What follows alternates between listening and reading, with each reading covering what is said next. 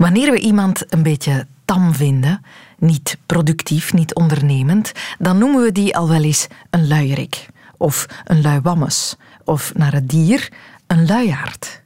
Maar luiaard zijn helemaal geen luie beesten. Luiaard zijn traag en dat is iets anders. Die doen bijvoorbeeld alles ondersteboven, ook eten, dingen doorslikken. Je moet dat eens doen, ondersteboven. Dat vraagt wel wat van je. Luiaards die kunnen zwemmen, die kunnen aanvallen als het moet en die kunnen klimmen. Als ze een partner moeten vinden om mee te paren, dan gaan die desnoods elke dag hun boom in en uit klimmen om er eentje te vinden. Koalas zijn veel luier. Die zijn maar vier uur per dag wakker. Of de mannetjesleeuw, die is maar twee uur per dag wakker. En die laat zijn eten dan nog eens brengen door zijn vrouwtje. Dat zijn luiaards. Echte luiaards die zijn gewoon rustig. En dat blijkt voor hen de beste overlevingsstrategie. Want, omdat ze zo traag bewegen, merken predatoren hen niet op. En ze zijn zo traag dat er zelfs algen in hun vacht groeien, waardoor ze een natuurlijke camouflage creëren en nog minder opvallen. Maar misschien is het leven een beetje rustiger aanpakken voor ons allemaal wel de betere overlevingsstrategie. Welkom in de wereld van Sophie.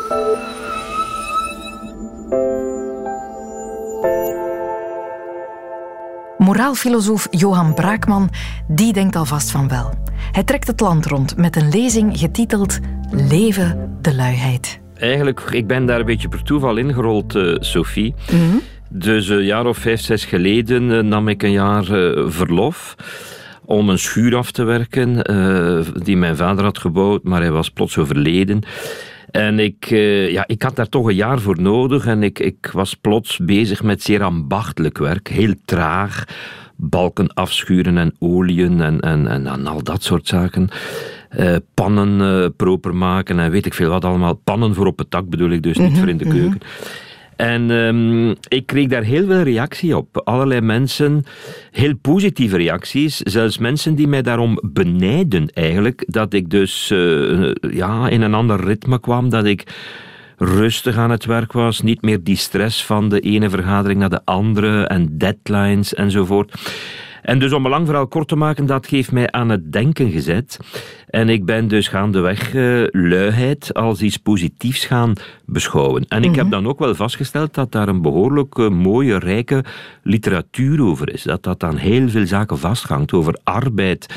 Uh, over zingeving gaat het. Het gaat over de vraag economisch wat genoeg is. Over ons moreel kompas, de waarden en normen mhm. die we idealitair hebben. Dus in wezen is het een zeer ernstige kwestie. En dus ja, als filosoof eh, voel ik me daar dan automatisch toe aangetrokken. Ja, als u het over luiheid heeft, over welk soort luiheid spreekt u dan? Want een, een schuur gaan uh, renoveren of ombouwen, ja, daar komt wel wat arbeid bij kijken. Ja, luiheid is niet per se het volstrekte niets doen, hè, hoewel dat, dat er kan bij horen, hè, zoals je daarnet zelf zei. Uh, kijk, er is een dame die in de New York Times uh, een jaar of twee geleden een stukje heeft geschreven met als titel Nixon. Dus het Nederlandse woord Nixon. Het is een Amerikaanse, maar zij kende dat woord. En zij houdt daar ook een pleidooi voor het niksen. Dus, dus gewoon in het gras liggen en, naar de wolken kijken en, en de insecten rond jou horen rondzoomen in de zomer. Daar een uur, twee uur, drie uur gewoon in het gras liggen niksen. Dat is iets wat, uh, wat mensen verleren naarmate ze opgroeien ze denken dan al heel snel, ik heb eigenlijk iets anders, iets beters te doen. Ja, er is iets nuttigers dan er dit. Er is iets nuttigers, dat zit diep in onze cultuur uh, ingebakken. Kijk, mijn, mijn eigen moeder, waar, ik praat daar soms over met haar, zij wordt nu bijna tachtig, maar als ik bij haar binnenkom en ze zit in de zetel uh, in een tijdschriftje te bladeren, dan heeft ze nog altijd de neiging om zich daarvoor te verontschuldigen. Ah, ja, ja. Dus dan, dan riskeert het dat ze zegt, ja, ik ging net beginnen stofzuigen hoor. dus alsof ik haar betrap op, op ja, een vorm van luiheid. Dit moet verantwoord worden. Ja, precies. Ja, ja, ja. ja. Uh, u heeft daar een lezing over uh, geschreven die u brengt. Uh, de krant is daar opgesprongen. Ja. De televisie heeft u uitgenodigd. En nu bent u bij ons te gast. De media is een raar ding. Ja. waarom spreekt het zo aan, denkt u? Wel, ja, dat, dat is een goede vraag. En ik, ik heb daar natuurlijk geen sociologische studies over gedaan. Maar ik, ik vermoed toch dat het wel ergens resoneert bij veel mensen, omdat heel wat mensen toch het gevoel hebben dat ze voor niks nog tijd hebben, dat ze van God naar her moeten gaan en koersen. al, altijd rush, rush, een rat race, competitie, te veel stress het risico op burn-out. Overal om het even waar je werkt hebben massa's mensen een burn-out. Mensen slapen niet goed, uh, ze, ze, zijn rusteloos. Dus er, ondanks het feit, dat moet ik toch beklemtonen, ondanks het feit dat objectief gesproken onze maatschappij het eigenlijk nog nooit zo goed heeft gehad. Hè? Mm daar zijn allerlei goede indicatoren voor. Is het tegelijkertijd toch ook zo dat er tientallen zelfdodingspogingen per dag zijn? Dat dus uh, er heel veel mensen een depressie hebben, andere mentale aandoening hebben. Er is een enorme medicalisering, hè, dus een overmedicalisering. Wij staan aan de Europese top. Mensen die pillen nemen, slaappillen bijvoorbeeld, ja, dat is de wereld op zijn kop natuurlijk. Hè. Je moet gewoon, dat is een belangrijk aspect voor mij wat luiheid betreft, je moet gewoon lang genoeg in je bed liggen. Je moet lang genoeg slapen en dan heb je die, die pillen niet nodig en, enzovoort. Dus mhm. het is wat subjectief natuurlijk hoe ik dat oppik. Aan de andere kant, er zijn tal van studies wel gedaan. Hè. Bijvoorbeeld, één op de drie Vlamingen houdt niet van zijn job. Ah, ja, ja. ja. ja. Uh, honderdduizenden mensen slikken pillen tegen mentale aandoeningen. Uh, massa's mensen. Ik, ik citeer een kop van een krant, een artikel in mijn lezing, waar men zelfs spreekt over een tsunami van burn-out. Bon, mhm. het is misschien een iets te spectaculaire krantenkop, maar toch. Dus dat zijn het soort zaken waar ik uiteindelijk toch op inpik. Dat, dus dat zijn toch belangrijke kwesties. Maar... Er zijn zoveel problemen in de wereld. Er is zoveel dat dient aangepakt te worden. Als je dan te veel tijd besteedt, te veel tussen aanhalingstekens, aan een taak die je sneller kan doen, waardoor je niet nog een extra taak erbij kan nemen die dag. Ja, is dat niet een beetje schuldig verzuim? Nee, ik zou dat graag omdraaien, uh, Sophie. Mm ik denk eerder, kijk, laat ik het voorbeeld van slaap noemen. Eh, eh, het boek dat ik daar recent over las is van Matthew Walker. Maar er is daar natuurlijk veel literatuur over. Maar dat is een goed boek, vind ik. En die man toont volgens mij zeer duidelijk aan, ondersteund met tal van studies, dat mensen die lang genoeg slapen, mhm. die dus de slaap krijgen en zichzelf dat geven ook, want daar komt het toch voor een stuk op neer, die, die je lichaam, je, je, je biopsychologie echt nodig heeft, dat zijn mensen die veel minder risico lopen op ziekte, op het veroorzaken van ongelukken in het verkeer. Kijk, er vallen in België alleen al nog ruim 600 doden per jaar in het verkeer, nog los van allerlei zware gewonden enzovoort. De helft daarvan, schat men, komt door mensen die vermoeid zijn, die niet uitgeslapen zijn want die vroeg op hun werk moeten zijn, gestresseerd zijn, niet kunnen slapen enzovoort en zo verder. Dus ik draai het eerder om en dit is denk ik een duidelijk voorbeeld. Verkeersongelukken, dat is een heel ernstig probleem. Honderden doden alleen al in een landje als België, meer dan een miljoen wereldwijd. Als je dus zegt, kijk, weet je wat, voort, ik wil niet, ik hoef niet de eerste op het werk te zijn, ik slaap gewoon een uur langer, want mijn lichaam heeft dat nodig, dan bewijs je de maatschappij natuurlijk een enorme dienst. Ah, omdat je het risico op ongelukken uh, verkleint. Maar hetzelfde geldt natuurlijk voor al die mensen met een burn-out. Stel dat we dat kunnen vermijden door het een beetje rustiger aan te doen, dat scheelt een pak aan, aan kosten voor de ziekteverzekering en voor, voor de werkgevers en ga zo maar door. Dus je begrijpt mijn insteek. Hè? Mhm, het is nuttiger dan, we, dan het op het eerste oog lijkt. Ik keer het dus om. Hè? Het, het, het idee van er valt altijd wel wat meer uit de mens te persen en het kan altijd een beetje sneller en efficiënter. En je kunt altijd een beetje meer en harder enzovoort. Er moet altijd een beetje meer groei zijn hoe je dat ook wil noemen, er kan altijd een record gebroken worden. Mhm. Dat kost ons meer, ik denk ook in economische termen, maar dat kan ik niet op 1, 2, 3 aantonen. Maar ik kan dat zo vermoeden, dat kost ons eigenlijk meer dan mensen die zeggen, kijk, ik doe het een beetje rustiger aan. Hè? Uh, meneer Brakman, u noemt het een deugd. Ik heb eens zitten googlen op luiheid en dan bots je quasi uitsluitend op artikels over uh, vijf manieren om luiheid tegen te gaan. Hoe luiheid efficiënt bestrijden. Hoe je van een luierik een high achiever wordt. Ja. Het wordt door weinig anderen echt als een deugd gezien. Het, we beschouwen het als iets wat bestreden moet worden. Ja, en ik betreur dat natuurlijk. Hè. Mhm. nu let op, ik, ik, sta daar niet alleen in. Hè. Ik heb wel historische goede voorbeelden. Ik denk aan Socrates, dus toch iemand die toch zeer gerespecteerd wordt. Mm Een van de, de godvaders van de filosofie. Maar, maar die man liep gewoon een beetje rond in Athene te discussiëren met mensen. Hè. En, en dat vind, vinden we toch bijzonder positief.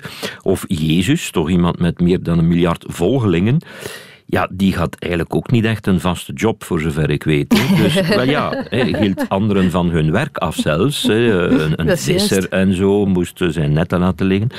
En, en toch vinden we dat die man eh, fantastische dingen heeft gedaan. Het is niet dat we zeggen, ja, Jezus, dat is het, het voorbeeld, want dat was een harde werker. Mhm. Eh, ik, ik denk het niet. Maar goed, er zijn ook recentere voorbeelden. Uh, Henry David Thoreau tot, tot de econoom Skidelsky en allerlei andere mensen. Er is wel behoorlijk wat geschreven hoor, over de vraag, ja, waarom werken wij zo hard en, en waarom zijn we zo gestresseerd en waarom slagen we er niet in? Om het idee dat je reputatie afhangt van, van hard werken. En een, een goede reputatie hebben is natuurlijk wel belangrijk.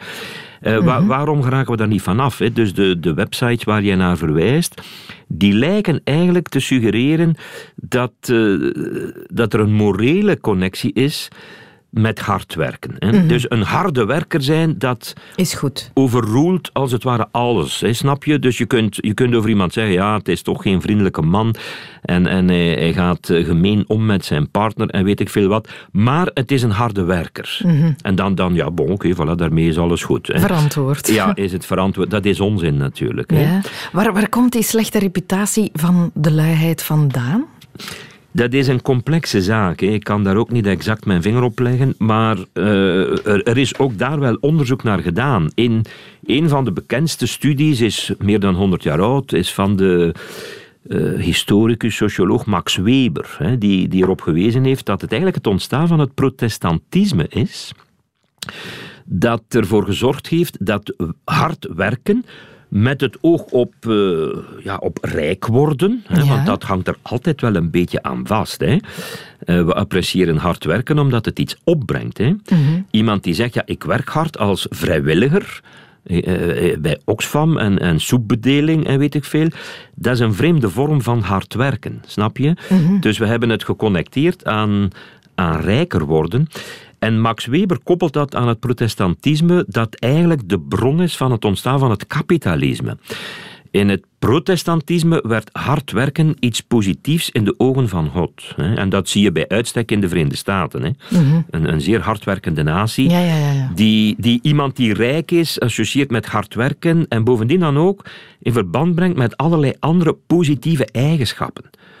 Als je als je slim bent, ben je automatisch ook rijk. En mhm. als je niet rijk bent, ben je waarschijnlijk niet zo slim enzovoort. Mm Dus uh, dat is één oorzaak.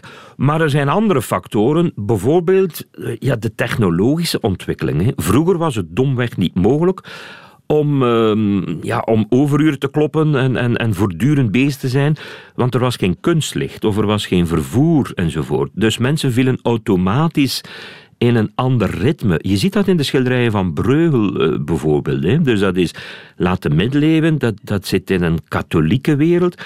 En in het katholicisme, dat weet u, is een van de zeven hoofdzonden weliswaar de luiheid, luiheid acedia, de traagheid. Maar dat werd daar geïnterpreteerd als luiheid, wat godsvrucht betekent. Dus als je niet ah, genoeg bezig was met, met denken aan het hiernamaals en met bidden. Te veel met de aardse dingen bezig zijn ja, was, dat, was luiheid. Dat was luiheid. Hè. Maar de middeleeuwers eh, die wisten ook wel wat feestvieren was. En die lagen vaak ook maanden stil, omdat ja, in de winter wat kon je doen? Ik heb een artikel gevonden uh, van een antropoloog of een, of een medicus zelfs. Het was in een medisch tijdschrift uh, die een situatie van 100 jaar geleden beschrijft, ergens in Noord-Rusland, waar mensen bijna letterlijk een winterslaap houden, die, die zes maanden duurt. Mm Omdat ja, ze kunnen eigenlijk niet veel anders doen. Dus, uh, dus wat, wat deed men? Men zorgde dat er genoeg voedsel in huis was, dat dat dus niet, dat kon bewaard worden. En, en men, men lag eigenlijk gewoon vijf, zes maanden te slapen. Hè. Je, je, er was daar geen elektriciteit, er was geen kunstverlichting, het er lag overal sneeuw. Dus wat kon je doen? Dus, en, maar omgekeerd, in onze wereld, ja, wij kunnen 24 uur op 24 uur werken. Hè. U, uw laptop kan altijd aanstaan. Mhm. je kunt altijd via internet aan het werk zijn als je een dergelijke job hebt. Eh, dus je kunt altijd bezig zijn met werk. En, en, wij zien daar nu toch ook wel meer en meer de nadelen van, denk ik. Ja, want daardoor gaan we werken. Zelfs al hebben we dankzij de technologie dan ook steeds meer uh, vervangers voor ons werk. Ja, wel, het is niet gelopen zoals men voorspelde. Hè. Dus die technologie heeft ons niet bevrijd. Hè. Kijk, als ik opnieuw een heel anekdotisch simpel voorbeeld mag geven. E-mail is in een zeker... Het snijdt vaak langs twee kanten. E-mail is een fantastisch iets natuurlijk, hè, dat, dat we elkaar mailtjes kunnen sturen. Maar ik ervaar het constant, en heel veel mensen, denk ik, zullen dat herkennen dat ik uh, het goede voornemen heb om bijvoorbeeld aan een artikel te werken en ik open mijn laptop, maar ik, uh, ik, ik kijk eerst even naar die e-mails.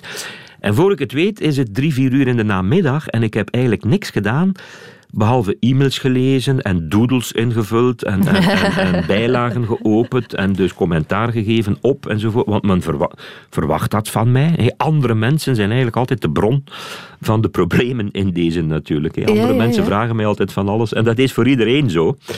Dus wat is de truc hier? En ik pas die soms wel eens toe, maar ja, het is moeilijk voor iedereen. Dat is die laptop natuurlijk niet openen en mij in mijn zetel zetten met dat boek dat ik eigenlijk wil lezen. Mhm. Ik spreek nu over mijn wereld. En eigenlijk is iedereen daarbij gebaat, hè, want de dag nadien moet ik daar een les over geven of een, of een artikel over schrijven.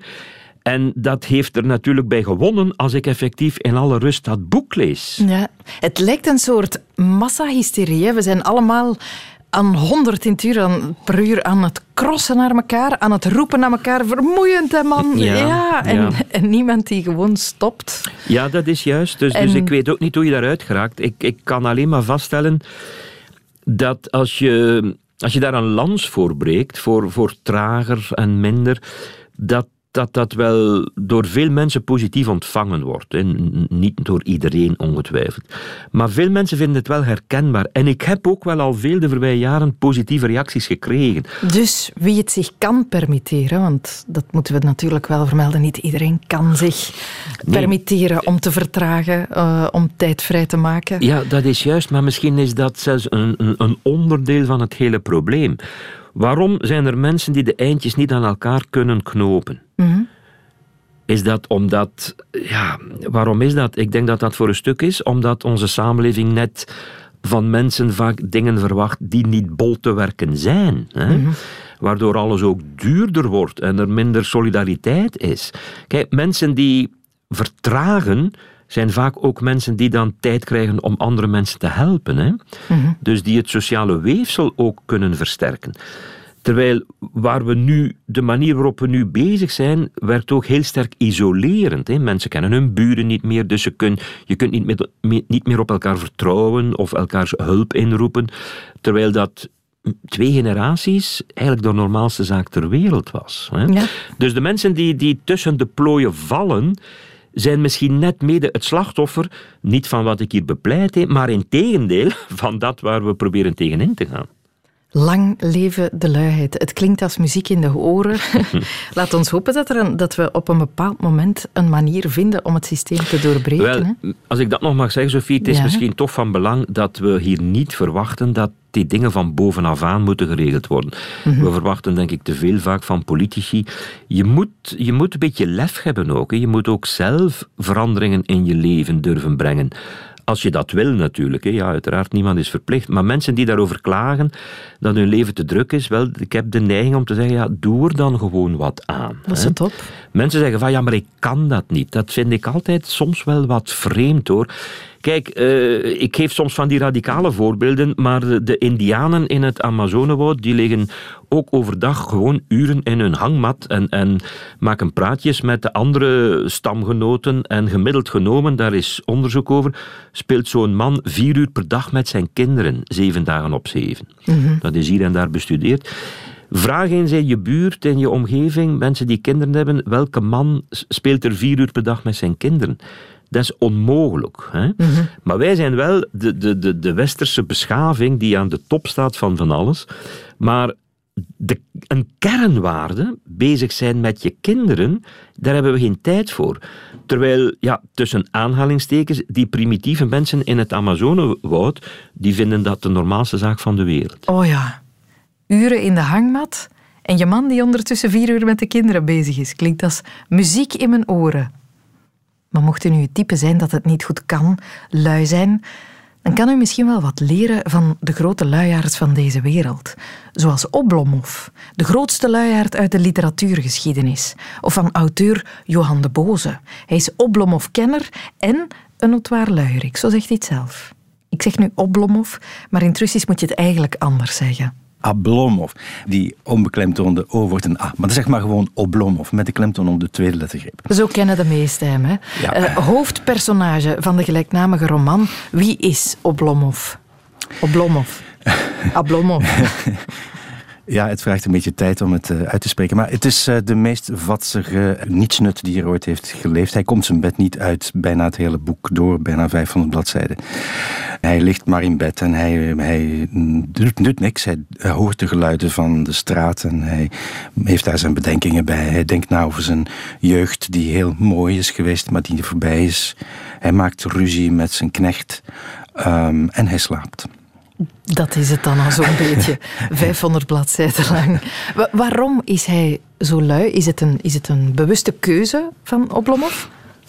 Nou, het, het, interessante van het boek is dat het, uh, het, je zou kunnen zeggen dat het een soort ziektebeeld is. Uh, iemand die mm -hmm. gewoon totaal niets, tot, tot niets in staat is. Maar um, ik, ik uh, las ooit bij de grote uh, slavist, ik ben ook slavist van vorming, van Karel van het Reven, een andere omschrijving over Oblomov. En hij zei dat het um, iemand is die die niet zozeer lui is, maar iemand die een grote weerzin voelt als van hem verwacht wordt zich druk te maken over de dingen waar iedereen zich druk over maakt. Mm -hmm. En als je het zo bekijkt, dan, dan zit er wel wat in natuurlijk. Dan wil iedereen dat misschien wel af en toe wel eens zijn. Ja, mocht je vandaag zo'n verhaal schrijven, dan zou men daar in recensies over schrijven dit is duidelijk een verzet tegen uh, de overheersende arbeidsethos, dat je zo hard mogelijk moet werken. Um, dit is een boek uit de 19e eeuw.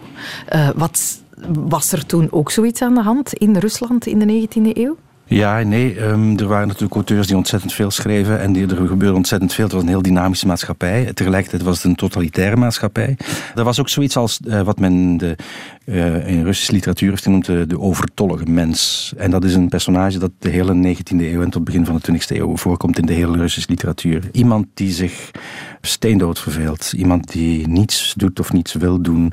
Het is een vorm van verzet, maar het is ook een vorm van uh. Iemand die zich te veel voelt. Iemand die zich niet in de maatschappij voelt staan. En dus een soort van apathie, een soort van apolitiek gevoel. Misschien tegen het totalitarisme van het kan me toch niks schelen en ik kan er toch niks aan veranderen. Dus ik blijf maar in mijn bed of ik doe maar niks. Dus je, je vindt een hele stoet van personages in de 19e eeuw. Van mm -hmm. Pushkin, de grote dichter, tot en met Tsjechov, begin eind 19e eeuw, begin 20e eeuw.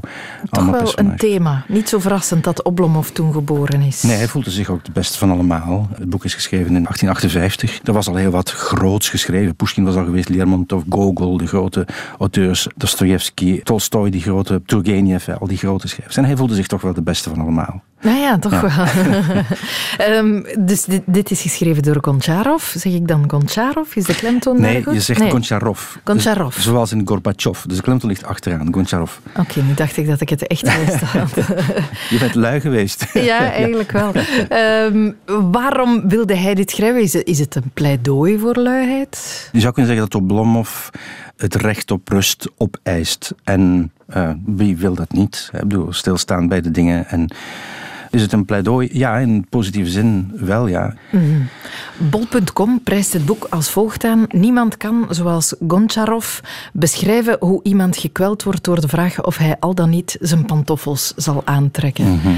Hij moet een bijzonder talent hebben als je honderden bladzijden boeiend kan schrijven over iemand die geen zak doet. Dat is literatuur. Dat je over iets heel onbenulligs uh, toch uh, 500 bladzijden kunt schrijven die hilarisch zijn en die 100, 150 jaar blijven overleven. Mm, het tragicomische verhaal, kan je het zo omschrijven? Ja, in het geval van uh, Goncharov van Oblomov is het zelfs zo dat er zelfs een, een vrouw in het spel komt met wie hij zou kunnen trouwen, maar dat gaat niet door. Damn. Tot daar de spanning. Ja. ja. U bent auteur, meneer De Boze. Hoe lui kan, mag een auteur zijn? Uh, zo lui mogelijk. Um, het is, denk, ik denk dat het stopzetten van de tijd, als we de luiheid zo interpreteren, zoals Johan Braakman net ook zei, het stopzetten van de tijd een, een van de meest constructieve onderdelen van het schrijven is. Ja? Terwijl ik tegelijkertijd workaholic ben en eh, een kadaverdiscipline heb en gemiddeld tien uur per dag schrijf. Mhm. En daarna, als ik klaar ben met het schrijven van een roman, nog aan het toneelstuk werk. Wauw, tien uh, uur? Ja, op dit moment wel, omdat een boek af moet en dan, dan, heb je een deadline. Het schrijven is ook een vorm van, is bijna een vorm van meditatie. Ik ben ooit uit de rat race gestapt van, van het dagelijkse, bij de VRT trouwens, het dagelijkse moeten presteren. En het schrijven is voor mij een, een vorm van bijna meditatie en ik werk ook liggend. Zoals Echt? Proest, ja. En dat, dan gebruik ik de vertraging van de hartslag en het, de halfslapen en het slapen soms zelfs af en toe gedurende korte tijd. En het, de werking van het onderbewustzijn als een constructief onderdeel van het schrijven. Dus het is... Het, is, uh, ja, het, het is, schrijven is de luiheid. ja. dat, dat is eigenlijk... Ja, u doet het lui. ja, maar je moet, om te schrijven moet je ook eindeloos veel geduld hebben. En ehm, dat heb ik niet. Dus ik probeer dat op te wekken bij mezelf. En die discipline en het rustig denken, dus het hard werken en tegelijk het rustig denken met elkaar te combineren, met elkaar te verzoenen. Mm.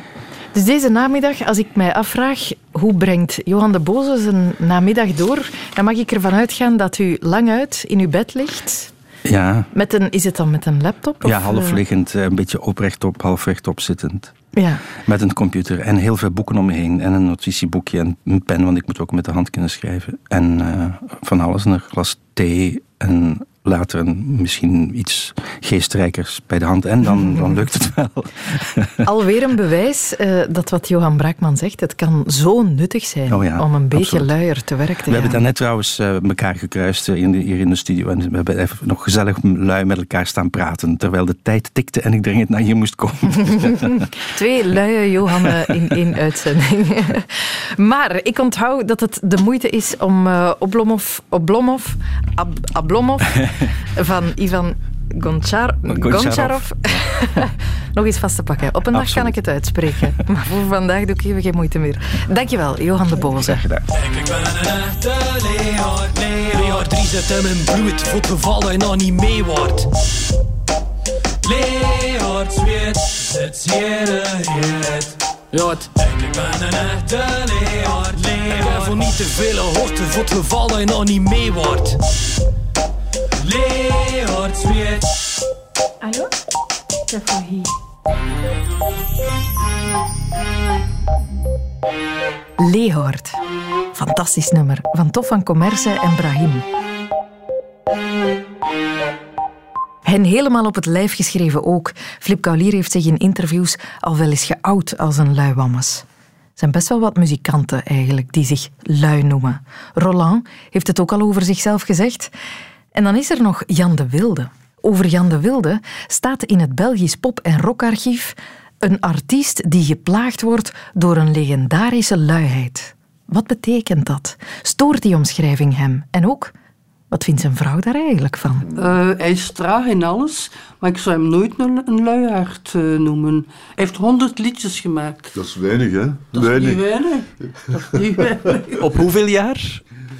Op uh, minstens 50 jaar. Dat zijn er minder dan twee per jaar dus. Ja, maar uh, ik heb eens één keer uh, het Vrolijk Lentlied, Daar is de lente, heb ik geschreven in een kwartier tijd.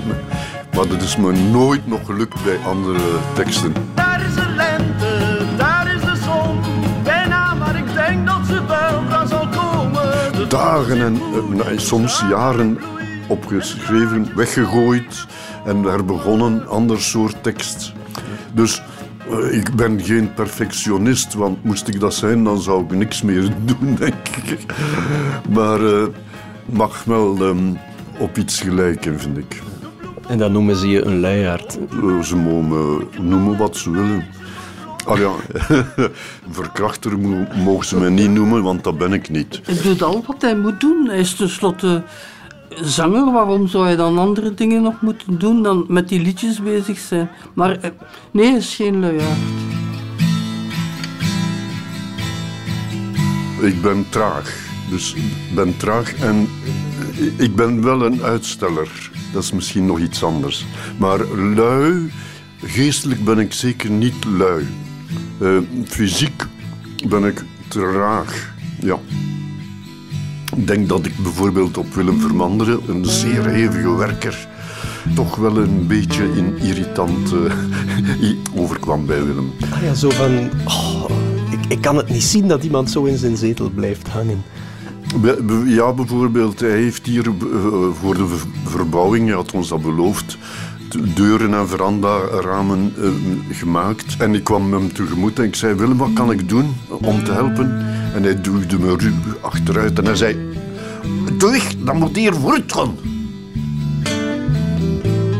En voor jou moet het niet vooruit gaan? Nee, ik kan bijvoorbeeld ervan uh, genieten om een kwartier door het raam te kijken naar de beweging in de tuin, in de boomgaard.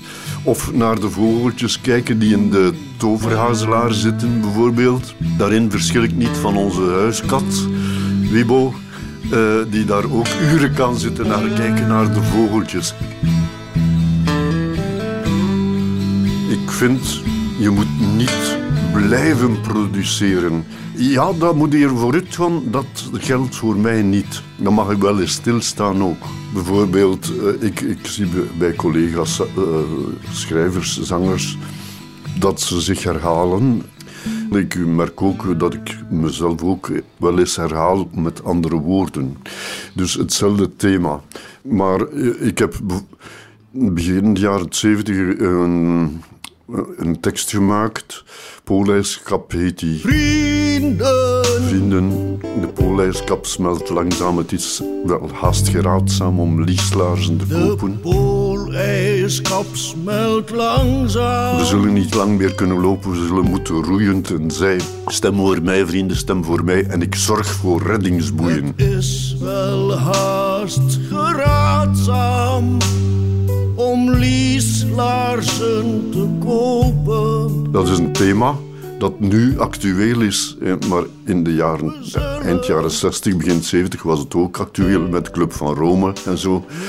En uh, je ziet hoe uh, actueel, brandend actueel het nu is. Maar dat is een thema dat ik niet meer wens te herhalen. Dus moet er nu snel iets anders komen, uh, Jan? Allee, ik wil je niet opjagen, maar komt er nog wat van? Wel, ik voel me niet erg geroepen. Misschien, ik heb wel pas een nieuwe gitaar gekocht. En uh, als ik daarop speel... Dit is ze. Die klinkt dan weer zo anders dan vorige gitaren. Dat ik me wel eens zou een nieuw melodietje zou kunnen uitvinden. En op dat melodietje zou ik dan wel een tekst wensen te zetten. Ja. Hierop gaat het gebeuren. Ja, ja, ja, Al dat nieuwe werk. Ik ben, maar deze zal je dus behoeden van de ultieme ledigheid. Ja, ja. Ik, ben, ik vind ze heel, heel... Ik ben er dol op. Maar... Um, maar met, alles op zijn tijd. Ja, en menigvuldige cd's... Uh, tientallen cd's zijn van mij niet meer te verwachten, uh, vrees ik. Ik laat je nog wat door het venster staren, uh, Jan. Sorry voor het storen. Hè. dat, dat, dat, zei ik al tegen Piet Pirijns toen hij voor Humo me kwam. Wie komt hier de heilige dinsdagsrust verstoren?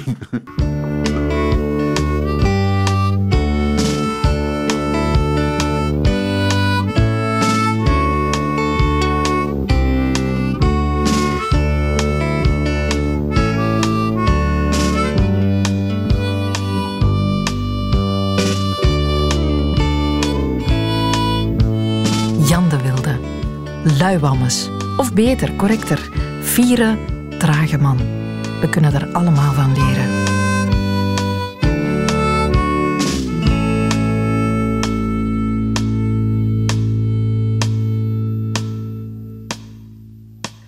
Dit was de wereld van Sophie over luiheid. Ik zou nu heel veel kunnen zeggen over dat je kan abonneren en bla. Maar ik heb geen goesting meer. Ik ga gewoon stoppen. Dag.